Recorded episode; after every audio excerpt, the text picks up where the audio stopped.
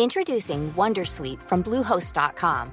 Website creation is hard, but now with Bluehost, you can answer a few simple questions about your business and get a unique WordPress website or store right away. From there, you can customize your design, colors, and content. And Bluehost automatically helps you get found in search engines like Google and Bing. From step-by-step guidance to suggested plugins, Bluehost makes WordPress wonderful for everyone. Go to bluehost.com/wondersuite. Hey, I'm Ryan Reynolds. At Mint Mobile, we like to do the opposite of what Big Wireless does. They charge you a lot, we charge you a little. So naturally, when they announced they'd be raising their prices due to inflation, we decided to deflate our prices due to not hating you. That's right. We're cutting the price of Mint Unlimited from $30 a month to just $15 a month. Give it a try at mintmobile.com slash switch. $45 upfront for three months plus taxes and fees. Promo rate for new customers for limited time. Unlimited more than 40 gigabytes per month. Slows. Full terms at mintmobile.com. Hej och hjärtligt välkomna till Teknikveckan. Peter Esse här. Och idag så ska vi prata om ett otroligt komplicerat ämne. Och därför så har jag tagit hjälp av Henrik Jönsson. Hej Henrik! Hej hej Peter! Du är entreprenör och libertarian. Det är så du brukar titulera dig va? Ja, precis. Det stämmer. Och då får vi ju nästan reda ut vad är en entreprenör? Eh, det har ju de flesta såklart koll på kanske vad man själv tror. Men vad, vad det betyder i ditt fall. Och sen också vad då en libertarian är för någonting. Så kan vi börja lite och berätta lite vad du, vad du liksom sysslar med för att få in eh, för, att, för att ja, ha råd att betala hyra. Hus var det nyss ja. ja men i, i korthet så skulle jag väl säga att eh, för mig betyder entreprenörskap att att man tycker om att starta och driva affärsmässigt fungerande verksamheter. Eh, jag gör den lilla distinktionen där, för det finns i mitt tycke så många människor som kallar sig entreprenörer nu för tiden som i själva verket bara håller på och nätverkar och arbetar inom olika typer av klustersystem som är så på den kommunala nivån. I min mening så är en entreprenör en person som klarar av att starta nya verksamheter, driva upp dem och få dem att funka och pröva nya idéer. Och det har jag gjort sedan barnsben höll jag på att säga. Du säger alltså att du inte har suttit i någon av alla de eh, startups, eh, vad heter det, inkubatorer och, och, så som finns här i, i Malmö där vi båda verkar? Nej, absolut inte. Jag ska säga som, som jag har haft lite Eh, uh, hyrt mötesrum och sådär har jag gjort nere på uh, Media Evolution vid olika tillfällen. Men aldrig varit del av det där eh, som jag kallar för det innovationsbyråkratiska komplexet. Det vill säga där det är, det är olika typer av skattemedel som slussas runt till olika ställen då för att man ska inkubera företag. Jag tycker inte om det alls. Jag tror att det är helt fel modell för att vill man stötta näringslivet så bör staten istället dra sig undan, sänka skatterna, eh, göra det enklare för folk att driva bolag och att anställa, inte att gå in med en massa olika typer av stöd. Är det här vi någonstans börjar tangera det faktum att du kallar dig libertarian då? ja, ja, men det, det stämmer ju. Uh, min definition på libertarianism, det, det är en bred kyrka, libertarianismen. Men um, kortfattat så kan man väl säga att jag vill ha en liten effektiv stat med stort individuellt ansvar och stor individuell frihet. Därför att jag uppfattar de mekanismer som bäst tjänar vår civilisation är när människor får lov att vara fria och vara mycket benägna till eh, att våga ta risker och testa nya typer av eh, uppfinningar och teknologier. Då kan man ju undra lite så här. Det här är ju Teknikveckan och jag tror att många lyssnare känner till det faktumet att du och jag Henrik är ju egentligen på exakta motpoler av men inom, ändå inom den frihetliga rörelsen. Mm. Anledningen att, att, att du Henrik är med här idag det är ju för att jag ändå kan tycka, är du med många anledningar, men, men framförallt för att jag finner dina åsikter om vad yttrandefrihet är intressanta och relevanta. Och kanske har det aldrig varit så relevant att diskutera yttrandefrihet som nu i och med att eh, ska vi kalla det att de stora techjättarna har satt sig lite i en liten situation som de kanske inte själva riktigt har sett fram emot eller behärskar. Så att idag så ska vi väl reda ut det åt dem. Eh, det lilla uppdraget. Mm. Det, det, är inget man snyter ur näsan nu. Nej, verkligen inte. Det är väl, det är väl kanske till och med en olöslig fråga. Men, men, men lättast att liksom eh, nå fram är väl någonstans att liksom stycka upp vad är vad och sådär.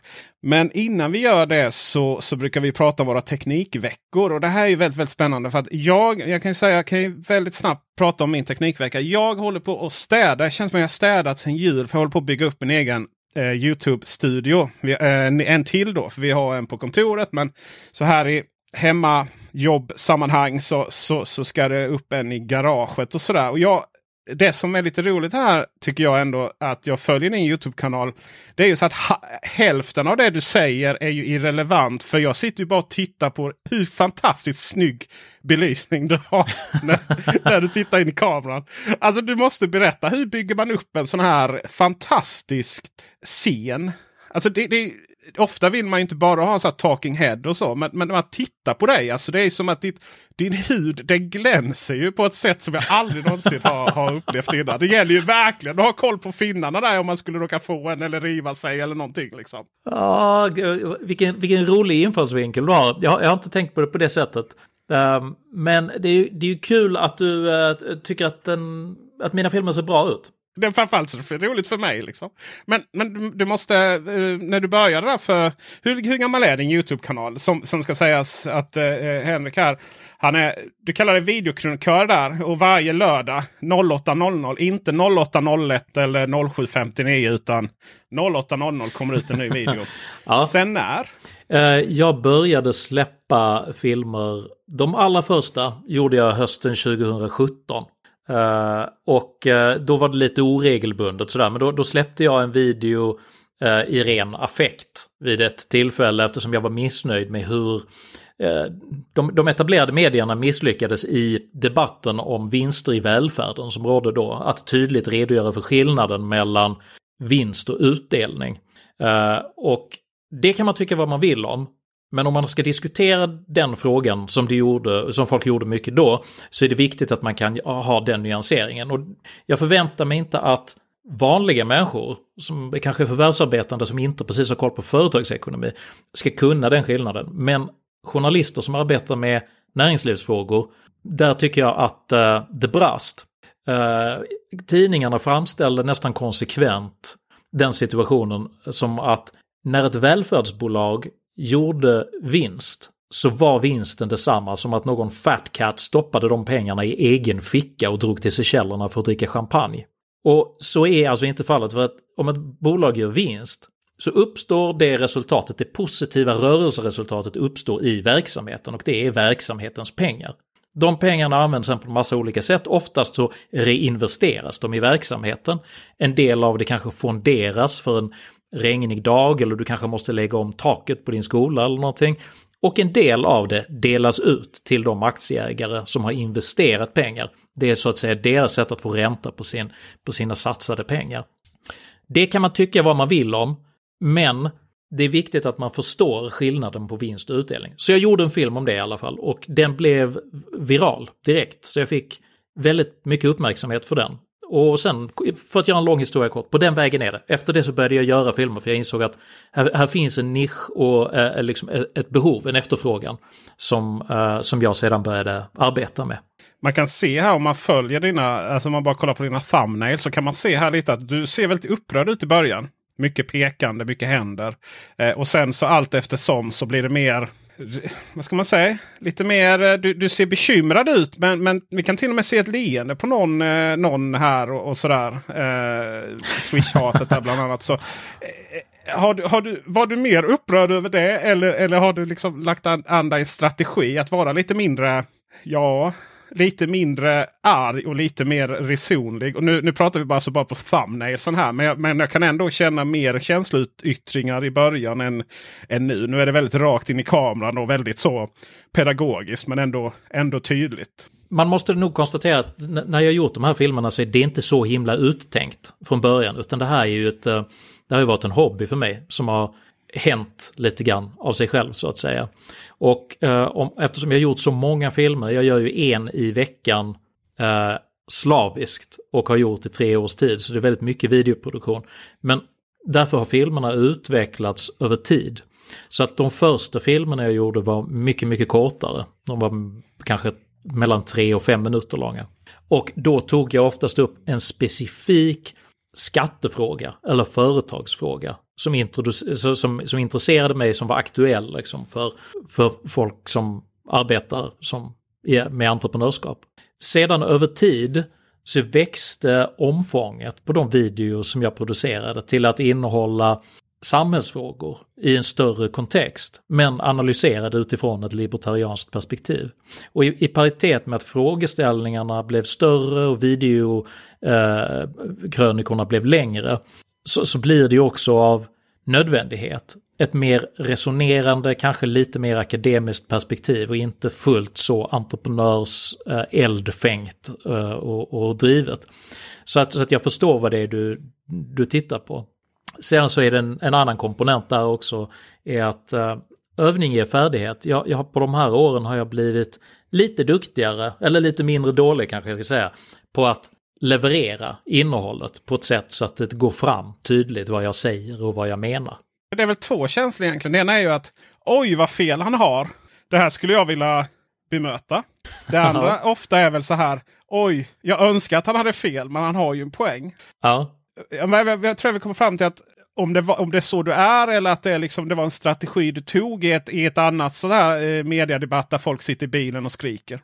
Den nisch som jag tycker själv att jag har tagit i svensk online-video är ju helt enkelt att vara en, en rimlig röst som gör egen videocontent. För att jag menar det myllrar ju av väldigt färgstarka individer åt alla håll och kanter på YouTube och sådana ställen.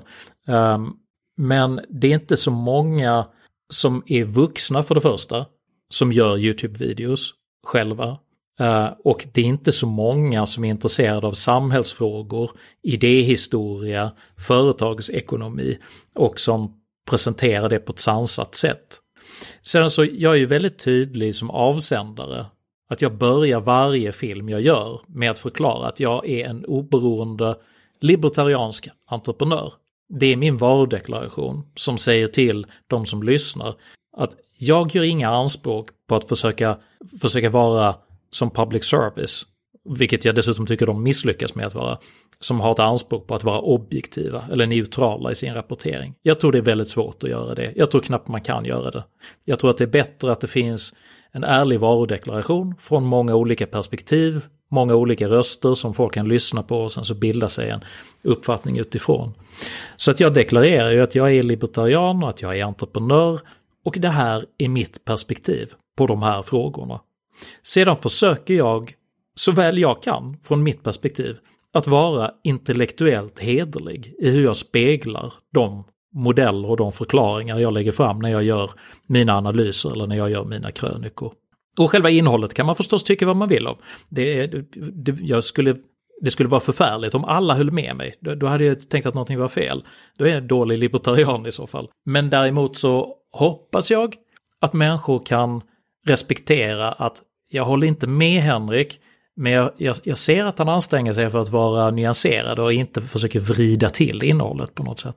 Nej, det får man ju verkligen ge dig. Innan vi går vidare till själva huvudämnet så måste jag ju då eh, fråga hur får du sån otroligt vacker ljusbild på dig själv? Jag är lite så här prylnörd förstås som de flesta, um, flesta it-företagare är. Så att det där har ju vuxit över, över tid. Um, när jag började så spelade jag ju in mina första videos bara på min iPhone. Eh, och då hade jag liksom ingenting mer än jag hade bara ställt upp den så jag lutade den mot några böcker. Men efterhand som jag gjorde fler och fler videos så, du vet, man, man tittar och ser hur gör andra, hur, vad är det som får saker att se bra ut? Jag är ju inte fotograf eller cinematograf eller eh, producent i botten. Så att jag började titta på vilka kameror är bra att använda, vilken typ av ljusutrustning är bra att använda. Och sen så får man ju balansera det där mot ekonomi, för det, det där blir ju en, en väldigt brant kurva så att säga med vad kostnaden är för att få mindre och mindre förbättringar. Så att eh, steg för steg så uppgraderade jag ju bitar av utrustningen tills nu har jag en ganska så dyr setup. Och eh, det är ju utrustning som jag skaffar för att höja mitt produktionsvärde, vilket jag reinvesterar huvudsakligen de pengarna som folk swishar med och när de gillar mina videos. Så att i paritet med att det är fler som tittar och fler som stöder så lägger jag ju in de pengarna i produktioner helt enkelt. I både intervju-setup där jag har ett helt eget kit, olika kameror och teknologi för att göra mina partiledarintervjuer och kändisintervjuer. Och sen så mina egna videos där jag har en egen liten studio. Jag har fem stycken ljuskällor. Det är fyra stycken LED-light, två stycken som uh, lyser upp uh, min green screen som är bakom mig och sedan två stycken, uh, en stor um, Aperture 120D Daylight med Light Dome, en sån här diffuserad uh, porträttfotolampa. Och sen så en Keylight som eh, belyser ansiktet från vänster sida. Och sen så har jag en Rimlight som då är en annan LED-lampa som står bakom mig som lyser på gässan och vänster skuldra.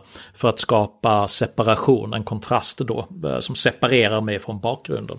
Ja, ja men där har jag lite att lära helt enkelt, kan jag konstatera. det finns mycket YouTube-videor som går igenom precis hur man gör sånt där. Jag spelar ju ofta in liksom från olika, alltså olika vinklar, eh, kors och tvärs och fönster hit och dit. Sådär. Så att ja, det är ju eh, eh, det är lättare i, i en studio. Nu ska vi då någonstans eh, bilda oss en uppfattning om eh, rådande eh, debattklimat på internet. Och Det är väl lite av en ödesfråga det här med vad man får säga och inte säga på de stora eh, nätjättarnas plattform. Då, Facebook, Twitter kommer beröra lite App Store och sånt också. Och sen är det väl, handlar det väl också för vem får man säga och inte säga. Och stora frågan här är ju då vad är yttrandefrihet? Henrik Jönsson. Yttrandefrihet så som den stipuleras i eh, FNs deklaration uh, um, av de mänskliga rättigheterna från 1948 så är ju alltså yttrandefrihet att samhället eller staten får inte lov att angripa sina medborgare för att de hyser eller uttrycker åsikter. Det är alltså rätten att inte utsättas för förtryck för att man tycker någonting eller säger någonting. Yttrandefrihet innebär inte att du har rätt att bli publicerad i en tidning. Det betyder inte heller att du har rätt eller att du kan tvinga folk att lyssna på dig. Det betyder inte heller att du kan tvinga olika företag att du ska få uttrycka dig genom de här företagens kanaler. Här någonstans känns det som att det är många som inte kanske håller med dig. Eh, fast det kanske inte är en fråga att hålla med om. Precis, det, det, det är ingen... I så fall, ja men du, du, kan diskutera om du vill reformera yttrandefrihetsrätten, så, så, definitivt, det kan man diskutera. Men det här är ingenting du kan hålla med om, utan det, det, det är bara så det är. Det, det är så yttrandefriheten fungerar vad behändigt. Jag tänker framförallt på de här. Man, eh, jag har lite lokala Facebookgrupper och lite teknikgrupper och så vidare. Och det är ju var och varannan dag så får jag ju en lektion i yttrandefrihet när de har blivit eh, avstängda eller bara fått en reprimand eller bara blivit emotsagd. Att bli motsagd, det, det, det, måste man ju absolut kunna bli. Men låt oss börja bena lite grann i det här från, från början. För att det är en ganska komplex frågeställning och det råder många missuppfattningar om hur yttrandefrihet fungerar. Från båda sidor, ska jag säga. Det missförstånd från de som är liksom för att nätplattformarna ska vara mer restriktiva och missförstånd från de som är emot att de ska vara restriktiva. Men i grund och botten så kan man säga att eh, du ska inte bli angripen för att du har en åsikt. Du ska inte bli angripen för att du uttrycker en åsikt. Däremot så finns det ju massor av olika regler som omgärdar yttrandefriheten till exempel. Och jag, jag är helt med på alla de reglerna. Det handlar om att skydda barn från övergrepp. Det handlar om att du inte otillbörligen ska kunna förtala människor eller hota människor eller ställa till oreda för andra medborgare. Så att alla de grejerna är, är rimliga om man betänker att vi ska ha en liberal demokrati där människor får lov att uttrycka sig. Det, det krävs för att man ska kunna balansera. Men å andra sidan så är det ju också så här att yttrandefriheten stipulerar ju att det är fullt tillåtet för dig att säga saker även om andra människor hatar det du säger, så länge du inte bryter mot någon lag. Det är helt okej okay att du säger någonting som andra människor tycker är fullständigt fel, eller att du är fullständigt galen. Du är i din fulla rätt att hävda att jorden är platt, om du vill göra det. Om du inte tycker att folk ska få lov att säga vad de vill även när de inte bryter mot lagen, då är du inte för yttrandefrihet. Det räcker inte att du tycker att det de säger är vämjeligt eller vidrigt. För det är din subjektiva uppfattning. Om du tycker att din subjektiva uppfattning om vad som är rimligt på någon slags moralisk definitionsgrund, ja, då är du emot yttrandefrihetens princip, helt enkelt. Du sa eh, att man är skyddad från angrepp, eh, angrepp då, får man säga man vill. Angrepp från vem? Det kan ju handla om, liksom, om, om någon börjar beljuga ditt företag eller säga så att ja, men, eh, anklaga sig att han är pedofil eller någonting, hemska anklagelser som är osanna. Då har du ju rättsliga möjligheter att försvara dig mot förtal till exempel. Om någon bjuger om ditt företag och säger att de behandlar folk illa eller så här, då har du ju, eh, då finns det ju rättsligt stöd liksom för att det, det ska du inte kunna göra. För då, då, om man kunde göra det så skulle det bli väldigt mycket kaos i samhället. Då skulle alla behöva liksom vara utsatta för extremt mycket, exponerade för illvilja hela tiden på ett sätt som inte hade varit bra. Alltså problemet som vi har nu, det är ju att det finns en ny situation på grund av den teknologi som vi har nu. Eh, och, och, eftersom de sociala medierna har vuxit till att bli så dominanta eh, så skulle jag vilja, för, för en utgångspunkt för att vi ska kunna prata om det här så måste vi, vi måste redogöra för ett par stycken olika begrepp. Du har säkert hört de här argumenten då som säger att nej men de sociala medierna har rätt att stänga ner eh, vilka användare de vill för att de är privata företag. Det måste väl ändå du Henrik som är libertarian hålla med om och begripa? Ja just det, äganderätten och det här. Mm, precis. Och, och det är så att, ja, för att den frågan är ganska komplicerad. Och det är ju rätt talande att den argumentationen nu kommer huvudsakligen då från vänsterläget som är väldigt eh, nöjd med att det är deras ideologiska meningsmotståndare huvudsakligen som faktiskt stängs ner. Och då en vänster som aldrig har haft en tendens tidigare till att försvara företagens autonomi är plötsligt väldigt, väldigt noggrann med att framhäva det. Ja, Facebook är ett eget för, oberoende företag, de måste få bestämma vilka de släcker ner och hur de släcker ner dem. Alright, fair enough. Men då vill jag svara så att det stämmer inte överens med svensk lag att företag skulle få lov att göra precis som de vill. Det vet alla som driver företag i Sverige. Det finns massor av olika regler som omgärdar vad företag får och inte får göra. Och för att tydliggöra skillnaden mellan att stänga ner någon eller när man inte bör stänga ner någon så vill jag ta upp ett exempel. Eh, 2018 i USA så hade de um, ett stort uh, legal case som handlade om ett, uh, ett bageri i Colorado som uh, drevs av ett kristet par som vägrade baka en gay-tårta till två eh, homosexuella killar som skulle gifta sig. Och det här blev då ett rättsfall där eh, de här båda homosexuella killarna anklagade dem för eh, diskriminering eftersom de inte ville göra en gay-tårta. Förlåt, men vad, vad definierar en gay-tårta? Är det två män då som... Ja, de ville ha två brudgummar uppe på. Och jag menar sakfrågan, det kan man tycka vad man vill om. Alltså jag kan tycka att backwards själv personligen. Men poängen är här att konditoriet vann. Du har inte plikt att göra saker som småskalig företagare som bryter mot din religion. Om du går in på ett falafelställe så kan du inte anmäla dem för diskriminering för att de inte serverar dig bacon.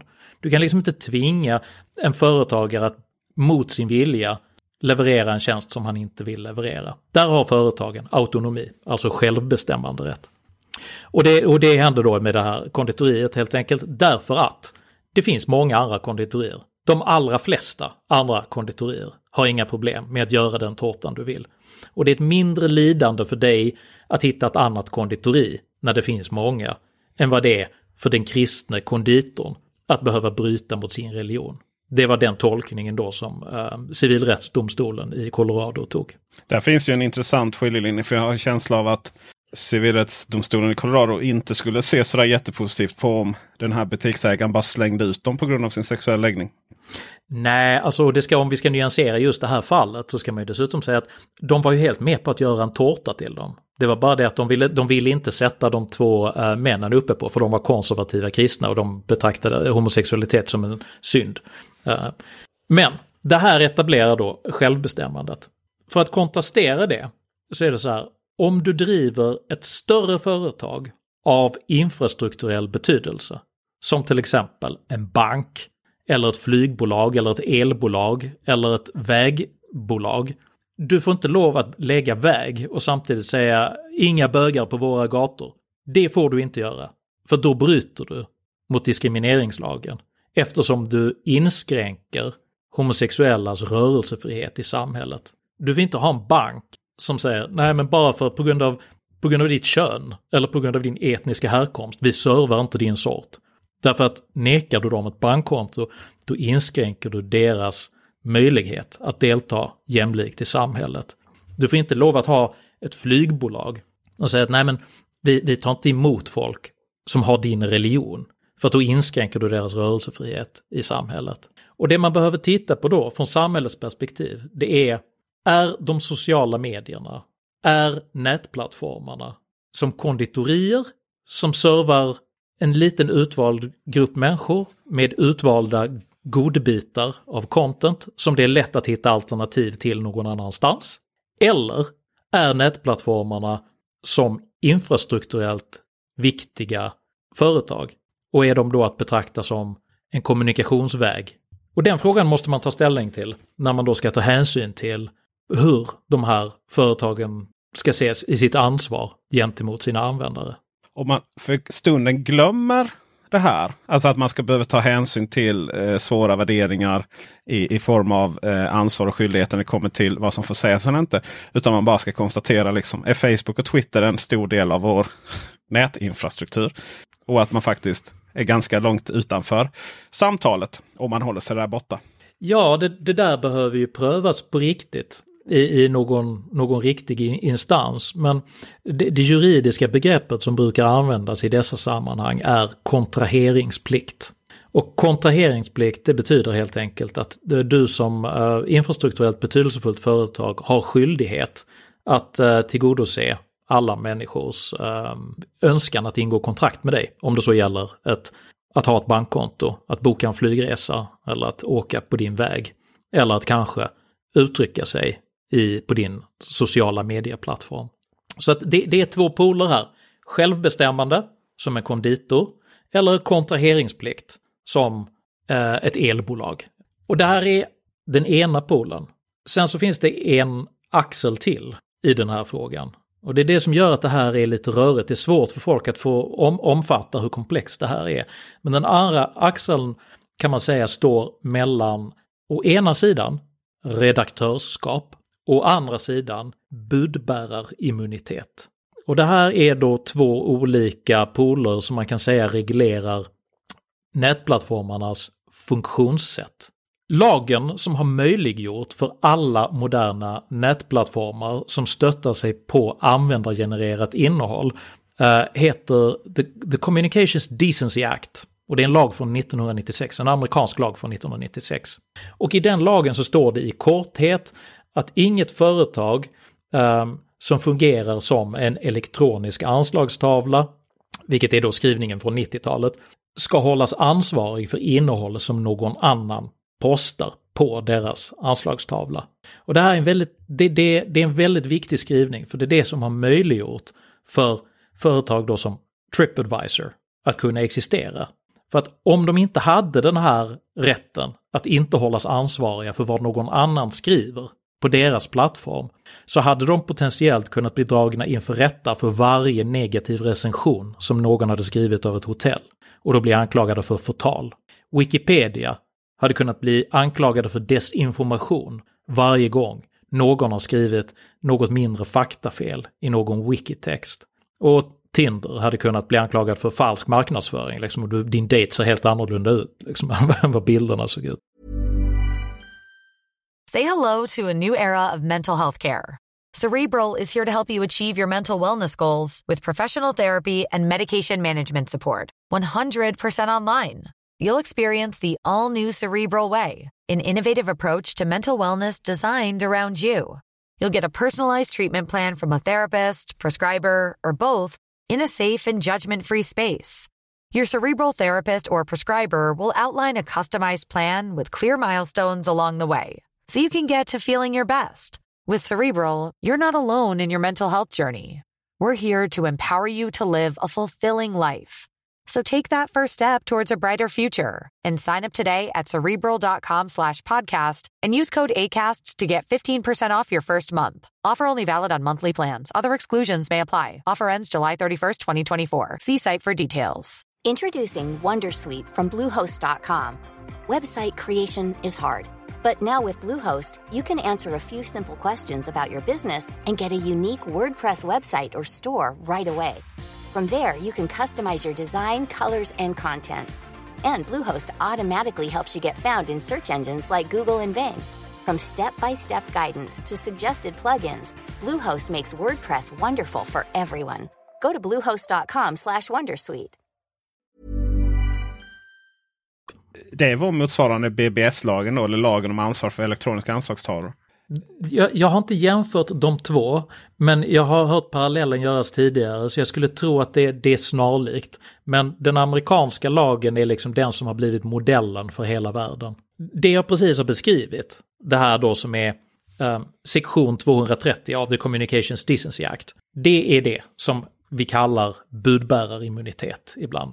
Och budbärarimmuniteten den gäller ju även då till exempel telefonbolag. Så att om, om jag ringer till dig och hotar dig så, så kan du inte anmäla telefonbolaget för att säga att han använder era telefonsatelliter för att hota mig. Liksom. Wow, ta ner Telia. Uh, eller om, om någon... Många som skulle önska det i och för sig. ja, men vi ska nog vara glada att det inte funkar på det ja, sättet. Verkligen. Likadant med brev och sånt ju. Det är inte postens fel om, om, om jag skickar en, en sur gubbe till dig. Liksom. Nej, exakt. Och det är budbärarimmunitet. Don't kill the messenger, så att säga. Och, och det här stöttar sig då de sociala medierna på och säger att hej, det är inte vi som har skrivit någonting olämpligt, utan det är, det är en användare. Andra änden av det här spektrat är ju då redaktörskap. Och det är motsatsen till budbärarimmunitet. Och då, då landar du i samma territorium som publicister och tidningar. Där du helt enkelt har en ansvarig utgivare och du har en redaktör och du har en redaktion som bestämmer vad som ska vara med och publiceras i deras tidning. Där sociala medierna befinner sig nu så är de i en gråzon mellan budbärarimmunitet och redaktörskap. För att det kommer påtryckningar från de gamla medierna och från politiker på att de måste ta ett större redaktionellt ansvar för vad folk säger på deras plattformar. Men samtidigt vill de sociala medierna stötta sig på budbärarimmuniteten för att om de inte har den så faller hela deras nuvarande funktionssätt ihop helt och hållet. Så att här har du budbärarimmunitet mot redaktörskap och självbestämmande mot kontraheringsrätt. Eh, plikt. Så i de här, liksom, mellan de här fyra olika aspekterna så utspelas just nu det kaos som vi ser i sociala medier. För att det här är inte, jag skäller inte på sociala medier, jag, jag tycker mycket, mycket om sociala medier. Men vi kan konstatera att den nuvarande situationen är mycket bekymmersam. Därför att nu har du vad många användare upplever som en godtycklighet i vem som plockas bort och vem som får vara kvar. Det finns ingen tydlig konsekvens. När man väl börjar gå in och tumma på budbärarimmuniteten och säga att nej men vi måste plocka bort Donald Trump. Ja, då har du genast en miljon människor som säger varför plockar ni inte bort Ayatollah Khomeini? Som, som skriver saker på Twitter eh, om, om att, som är antisemitiskt. Varför låter ni de här olika terroristgrupperingarna finnas kvar? Och det du skapar då är en klyfta mellan människor där folk känner att det kanske föreligger ideologiska förtecken på det redaktörskap som bedrivs. Man skulle ju kunna argumentera för att hur hemskt den låter, så eh, särskilt med tanke på att eh, jag kämpat mot antisemitism hela livet. Man skulle kunna hävda att den åsikt eh, medans Trumps inlägg är uppvigling. Jag vill faktiskt inte gå in i det där relativiserande whataboutism fram och tillbaks. För det finns goda argument där från båda sidor. Om du tar BLM-protesterna från i somras till exempel. Där det har funnits massor av människor som har gått ut i både videoklipp och texter och eh, liksom skanderat att uppmanat människor till att eh, döda poliser, eh, att bränna ner Vita huset och den typen av grejer. Alltså det förekommer mycket uppvigling.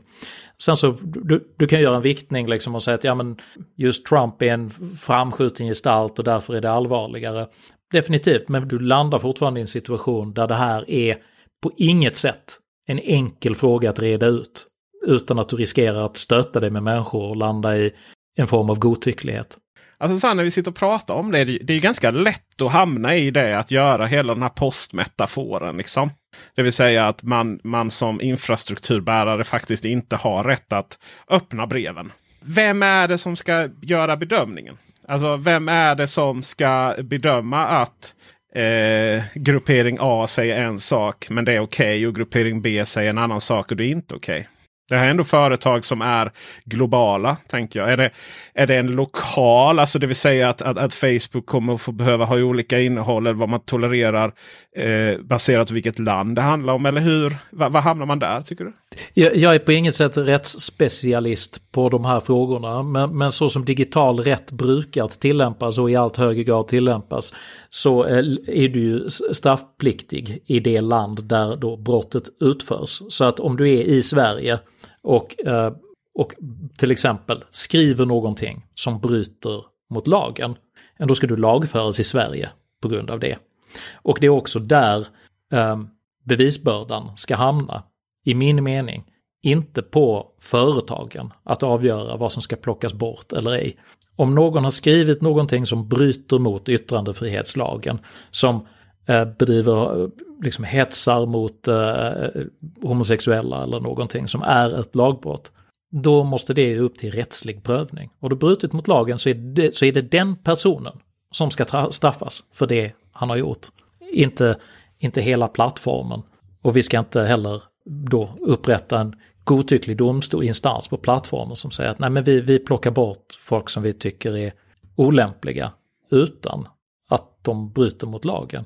Och en konsekvens vi ser av det här det är ju då att det är ju flera länder nu, bland annat Storbritannien lägger fram nu i den här veckan faktiskt en ny lag eh, som reglerar de sociala medierna just i syfte att eh, de kommer att bötfälla dem om de plockar bort innehåll som inte är i strid med landets yttrandefrihetslag. På annat håll, EU som jag ju, har ju blivit eh, jag vet inte om det är ett krav att vara EU-parlamentariker och att man, att, man, att man älskar eh, detaljreglering. Men det är alltid från USB-kontakter till kaffebryggare till hur starka dammsugare får vara. Eh, ja. Till att du, att du måste förstöra varenda webbsida med kakinformation som vi alla vet att det sätts. Till ja. att du måste vara så snabb på att radera saker och ting som, som, som inte anses vara hemma på internet. Eh, annars kan du själv få böter. Menar, den, den utvecklingen på EU-perspektiv går ju snarare raka motsatsen. Igen så har du ju problemet där att du placerar ju bördan då på de sociala medieplattformarna. Att, att det är deras juridiska ansvar att plocka bort någonting och så måste de bygga upp en organisation med kapacitet att hantera det inom 24 timmar eller någonting, någonting liknande. Från mitt perspektiv, det som behöver hända är att rättsväsendet behöver ha en form av beredskap för mycket snabbare behandling av den här typen av ärenden. Eh, så att det blir lätt att anmäla människor som faktiskt bryter mot lagen så att de kan i så fall bli lagförda. Men att man undviker att placera den bördan att gallra på de sociala medierna som saknar, och det är uppenbart nu med tanke på hur trubbiga de är i hur de gör det här. De saknar kapacitet, de saknar eh, erfarenhet, rutiner. Det är inte deras jobb. De är tekniska plattformar, de är duktiga på att bygga dem. Eh, och de här edge cases, som det ändå är, där det är människor som faktiskt bryter mot lagen.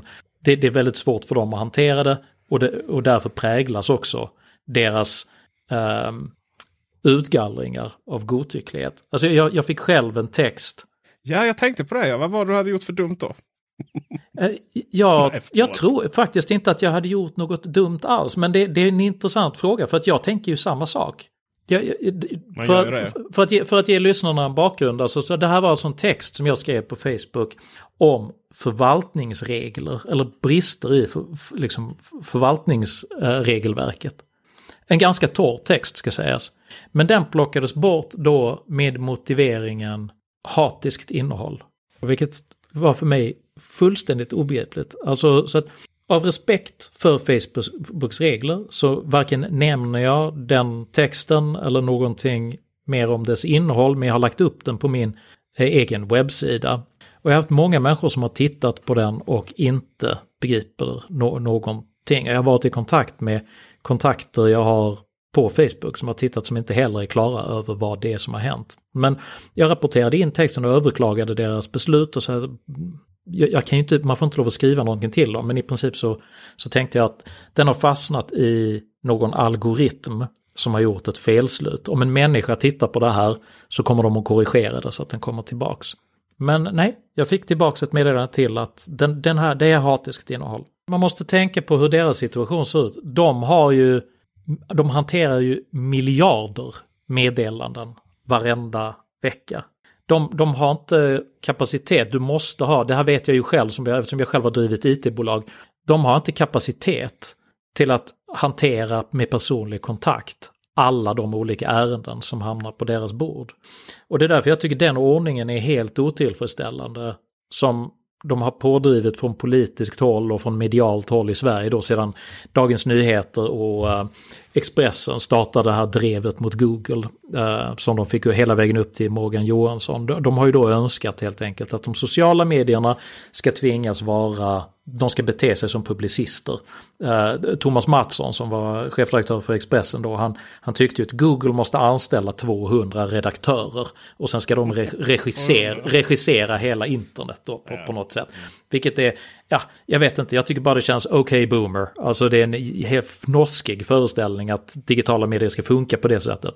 Men nu använder jag min lagstadgade yttrandefrihet här och säger att eh, Thomas Mattsson eh, har alltid haft en eh, intressant inställning till kritik till den egna verksamheten. Men är väldigt frispråkig när det kommer till andras. jag, jag lämnar den personkritiken osagd. Men jag kan konstatera att jag håller inte alls med var både han och Morgan Johansson landade i den här frågan. Och jag tror att där vi befinner oss nu, både i Amerika och här i Sverige, är på, på ett ställe som är ganska allvarligt vad det gäller förtroendet för de sociala mediernas funktion. Att uh, det är helt enkelt så att just nu tror jag att väldigt många människor upplever att de fråntas jämlika möjligheter till att uttrycka sig. Nu är inte det eh, Thomas Mattssons eh, lagstadgade rättighet att vara med just i den här podden att försvara sig. Men, men om du vill, om du lyssnar på detta Thomas Mattsson med all mot förmodan. Vill du vara med i denna podden och prata om det här. Så är det bara att skicka ett mejl. Jag tror att oavsett hur vad man landar i det här så är det väldigt svår väg framåt. Det finns ju inget politiskt intresse i att landa i den slutsatsen som, som jag tror både du och jag landar i. Eh, om man ser på svensk, svenskt eh, plan så har vi ju precis konstaterat vad man har hamnat i. Om vi ser på europeiskt plan så bortsett då från, från eh, eh diverse lokala regeringar som, som i sin tur kanske har lite, lite osund syn på framförallt pressfriheten. Så, så om man ser på EU då så, eh, så har, finns det inget politiskt tvärtom i detta. Alltså politisk vilja att nå, gå den. Och om vi då kollar på USA så har vi då eh, ett, ett parti som överhuvudtaget inte kommer att driva den. Utan snarare tvärtom. Ja, du tänker på Demokraterna då? Jag tänker på Demokraterna och jag tänker jag på säga, eh, för viss, vissa av Demokraterna bestämmer så har ju de andra sidan de här företagen styckats upp och, och, och försvunnit. Så att det, det kanske löser sig på det sättet. Skämt åsido. Va? Men jag menar vad jag vill komma till att det finns ju ingen politisk vilja globalt sett att ta det i denna riktningen. Hur tror du eh, den här, eh, för, för jag kände innan någonstans att du delade upp den här diskussionen i två stycken grupper, egentligen vänster och höger. Så, så för att fortsätta den uppdelningen. Hur tror du högern ser på detta och hur kommer man agera? Den största delen av allt samtal som äger rum överhuvudtaget, digitalt men även medialt, är anständigt. Näst, nästan alla utbyten är rimliga mellan rimliga människor. Det är en väldigt, väldigt liten del, vad vi inom IT-utveckling kanske skulle kalla för ett edge case. Med just de här extrema grupperingarna på alla möjliga olika kanter. Eh, där det finns olika typer av människor som går över gränsen. Så att man ska inte, bara för att det är ett problem så bör man inte se det som att det här är liksom det, det, det stora problemet som genomsyrar hela samhället. För att det gäller, det gäller, de som ställer till oredan är ganska små grupper. Däremot så tror jag att hanteringen av det här ganska, den här ganska lilla gruppen nu riskerar att skapa ett ändå större problem. Uh, och det finns ju ett gammalt citat som um, från Jordan B. Peterson faktiskt som sa så här en gång. Whatever you repress comes back with a vengeance. Så att om du nu står på en plats där du tycker att de här människorna är gränsfall. Vi, vi, vi plockar bort dem från nätet. Vi deplattformerar dem från Facebook, vi plockar bort dem från Twitter, ser till att de inte får finnas på YouTube. Tror du att deras åsikter kommer att försvinna bara för att du plockar bort dem? Tvärtom så kommer ju de här människorna att som tidigare kanske var negativt inställda till det demokratiska etablissemanget, som kanske hyste konspiratoriska föreställningar om att systemet är riggat mot dem, de kommer ju istället att vara fullständigt övertygade om att så är fallet, efter att de blir bortplockade överallt. Och det kommer att ta, det kommer att ta ett litet, litet tag innan de organiserar sig själva på nya plattformar, bygger sina egna forum, sina egna ställen där de kan vara. Och då är de helt isolerade från resten av samhället. Och när vi har isolerat oss från varandra på det där sättet, då är problemet mycket, mycket allvarligare. Men tror du inte det finns en stor acceptans i det i, i bland gemene man? Att låt ett gäng galningar isolera sig, om man tar svenskt perspektiv. Låt nazisterna isolera sig i källare i Karlskrona och, och trycka sina pamfletter. Och, och, låt liksom vapengalningarna, notera nu att jag inte säger att alla som gillar, eller eh, för fria vapenlagar är galningar. Utan jag pratar om galningarna med vapen. Isolera sig i någon skog i Montana. Tror du inte det finns en stor acceptans i det bland vanligt folk så att säga. Och sen får FBI hålla koll på dem.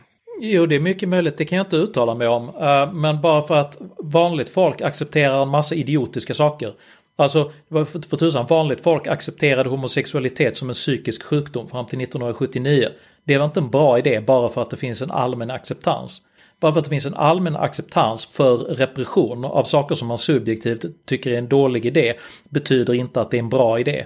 Tvärtom så visar ju liksom all konflikthanteringsteori visar att när olika grupper som är meningsmotståndare när deras konflikt övergår från att vara just en konflikt till att bli våld, det tenderar att vara steget efter att de har fullständigt isolerats från varandra.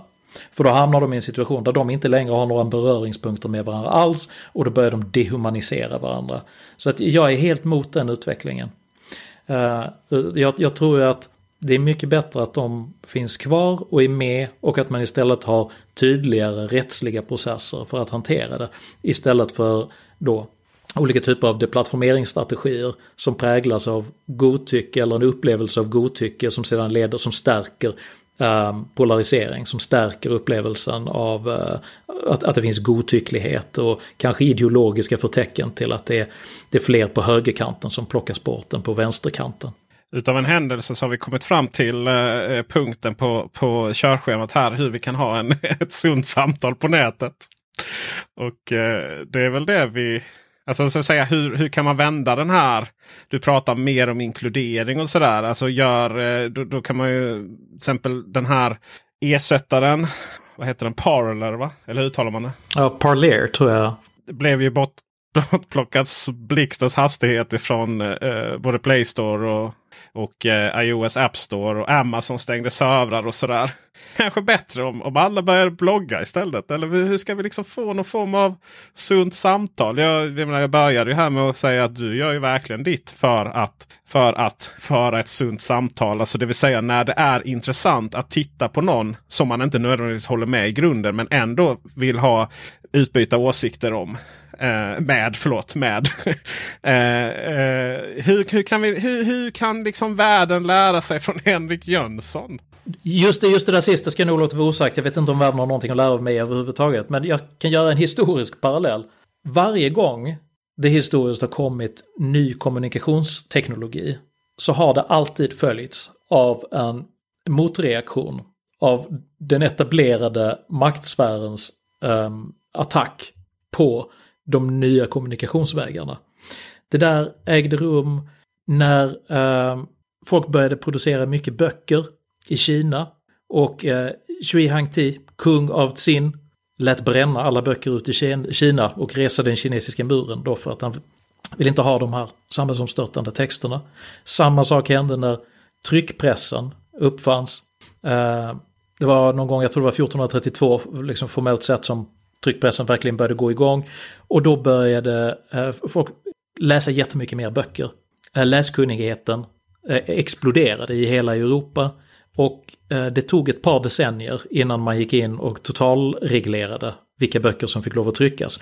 Helt enkelt då på grund av att stat och kyrka uppfattade att fake news och osedlighet riskerade att spridas till människor på ett sätt som kunde vara samhällsomstörtande. Och sen så var ju boktryckarkonsten hårt reglerad, närmast totalförbjuden fram till eh, 1761 tror jag det var, när Sverige var först ut med en tryckfrihetsförordning. Så att där, där tog det ju 200 år. Så att jag tror att man måste lägga ett historiskt perspektiv på det här. Att de sociala medierna har kommit, det är precis samma sak. Precis samma mekanismer som när tryckpressen kom. Då har du en etablerad medieordning som plötsligt utmanas. Där det inte bara är linjär-tv och dagstidningar som sätter agendan för samtalet. Utan sådana människor och sådana personer som jag eller liksom vem som helst som publicerar sig själv eller lägger ut videofilmer. Och då är det en massa människor som inte tycker om det. Och det är även en del människor som inte har rutin på hur man beter sig och det är folk som säger olämpliga saker och det förekommer även ren uppvigling. Allt det kommer med varje gång det kommer en ny kommunikationsrevolution. Däremot så kan man konstatera att repression aldrig historiskt har varit effektiv. Aldrig. De som har gått fram tidigast med att försöka öppna upp eller hitta, hitta nya vägar för att hantera ny teknologi. De samhällena blir alltid mest framgångsrika. Ju hårdare du försöker eh, förbjuda någonting, desto längre hamnar du på efterkälken och desto hårdare blir backlashen när, när det kommer tillbaks. Repression är en riktigt dålig idé. Uh, och jag vill knyta tillbaks som svar på din fråga. Alltså nästan hela samtalet som bedrivs är redan anständigt. Är redan bra. Jag använder sociala medier hela tiden. Varje dag. Jag har extremt stor nytta och glädje av det. Det berikar mitt liv. Något oerhört. Att kunna se videoklipp som visar mig allt från liksom hur jag Eh, liksom gör en elinstallation i mitt nya hus till att titta på långa föreläsningar om filosofi och historia och grejer som intresserar mig. Det är fantastiska tider. Och nästan all content som produceras är jättebra, hederlig, ärligt uppsåt, ibland lite vallhänt, ibland förekommer en del felaktigheter eller någonting lite på sniskan. Men har man bara det med sig in, ett lite kritiskt öga, så är det alldeles utmärkt. Sen finns det en liten, liten del som ställer till en del oreda. Men det är inte värt att offra legitimiteten i hela den här digitala kommunikationsrevolutionen bara på grund av det, det lilla segmentet. Åtminstone inte på det sättet genom att försöka hitta någon slags bastardiserad hybridlösning mellan budbärarimmunitet och redaktörskap som, som inte fungerar, som inte gör någon glad överhuvudtaget. Mitt förslag då som svar på din fråga är att man istället skulle titta på någon form av effektivisering och stärkning av eh, rättssamhället för att hantera de som faktiskt bryter mot lagen. Och sedan låta innehåll ligga kvar som inte bryter mot lagen, även om du inte tycker att det är lämpligt. Och med de kloka orden så har vi ett avsnitt. Tack så mycket Henrik Jönsson för dina ord. Om man vill följa dig så är det ju bara att söka just på ditt namn på Youtube. Vad har du för andra intelligenta och bra kanaler? Ja, om de är intelligenta och bra som sagt, det lämnar jag åt andra att avgöra. Eh, men Nej, men min, största är ju att mina videos eh, hittar du på YouTube. Nu finns dessutom alltihop speglat till Odyssey dessutom. Som är en, eh, en, en distribuerad, icke-centraliserad uh, videoplattform. Sedan så publicerar jag även allt mitt material kommer även i ljudpoddformat och det hittar du där poddar finns på Spotify, Acast, iTunes etc. Eh, och sedan så eh, publicerar jag även ett veckobrev som går att prenumerera på. Det kan ni hitta eh, på min webbsida eller i, i, beskrivningen på alla mina videofiler. Så kan man följa mitt veckobrev. Då får, då får man varje vecka en sammanställning av alla artiklar jag skriver. Jag är krönikör just nu i GP också. Ehm, så att då får man en sammanställning på allting jag gör varje vecka. Så det kan ni ju göra om ni inte har nog av eh, människor som säger saker på internet redan. Om ni inte har nog oh, med Henrik. Eh, GP står förut för Göteborgs-Posten. Jag vill också tipsa om ett inslag som vi har gjort som heter Apple och generositetsprincipen. Svårt ord. Eh, hur man kan eh, ha en strategi när man sitter och debatterar på internet om att man kan lägga manken till och försöka förstå sin motdebattör. För då kan det vara så att man läser någonting också. Och det är också det jag ofta gör här när jag sitter och tittar på Henrik. Både du och Teknikveckan finns ju på Patreon. Det är ju ett sätt att finansiera alla våra produktioner. Så att eh, länkar också där till, till Patreon på henrikjonsson.com. Eh, Jönsson, eller Jonsson med två S då. Tack så mycket Henrik! Det finns kanske tillfälle att få, få diskutera andra svåra frågor om, om det här i framtiden. Så, så se till att prenumerera. Så hörs vi syns vi. Hej!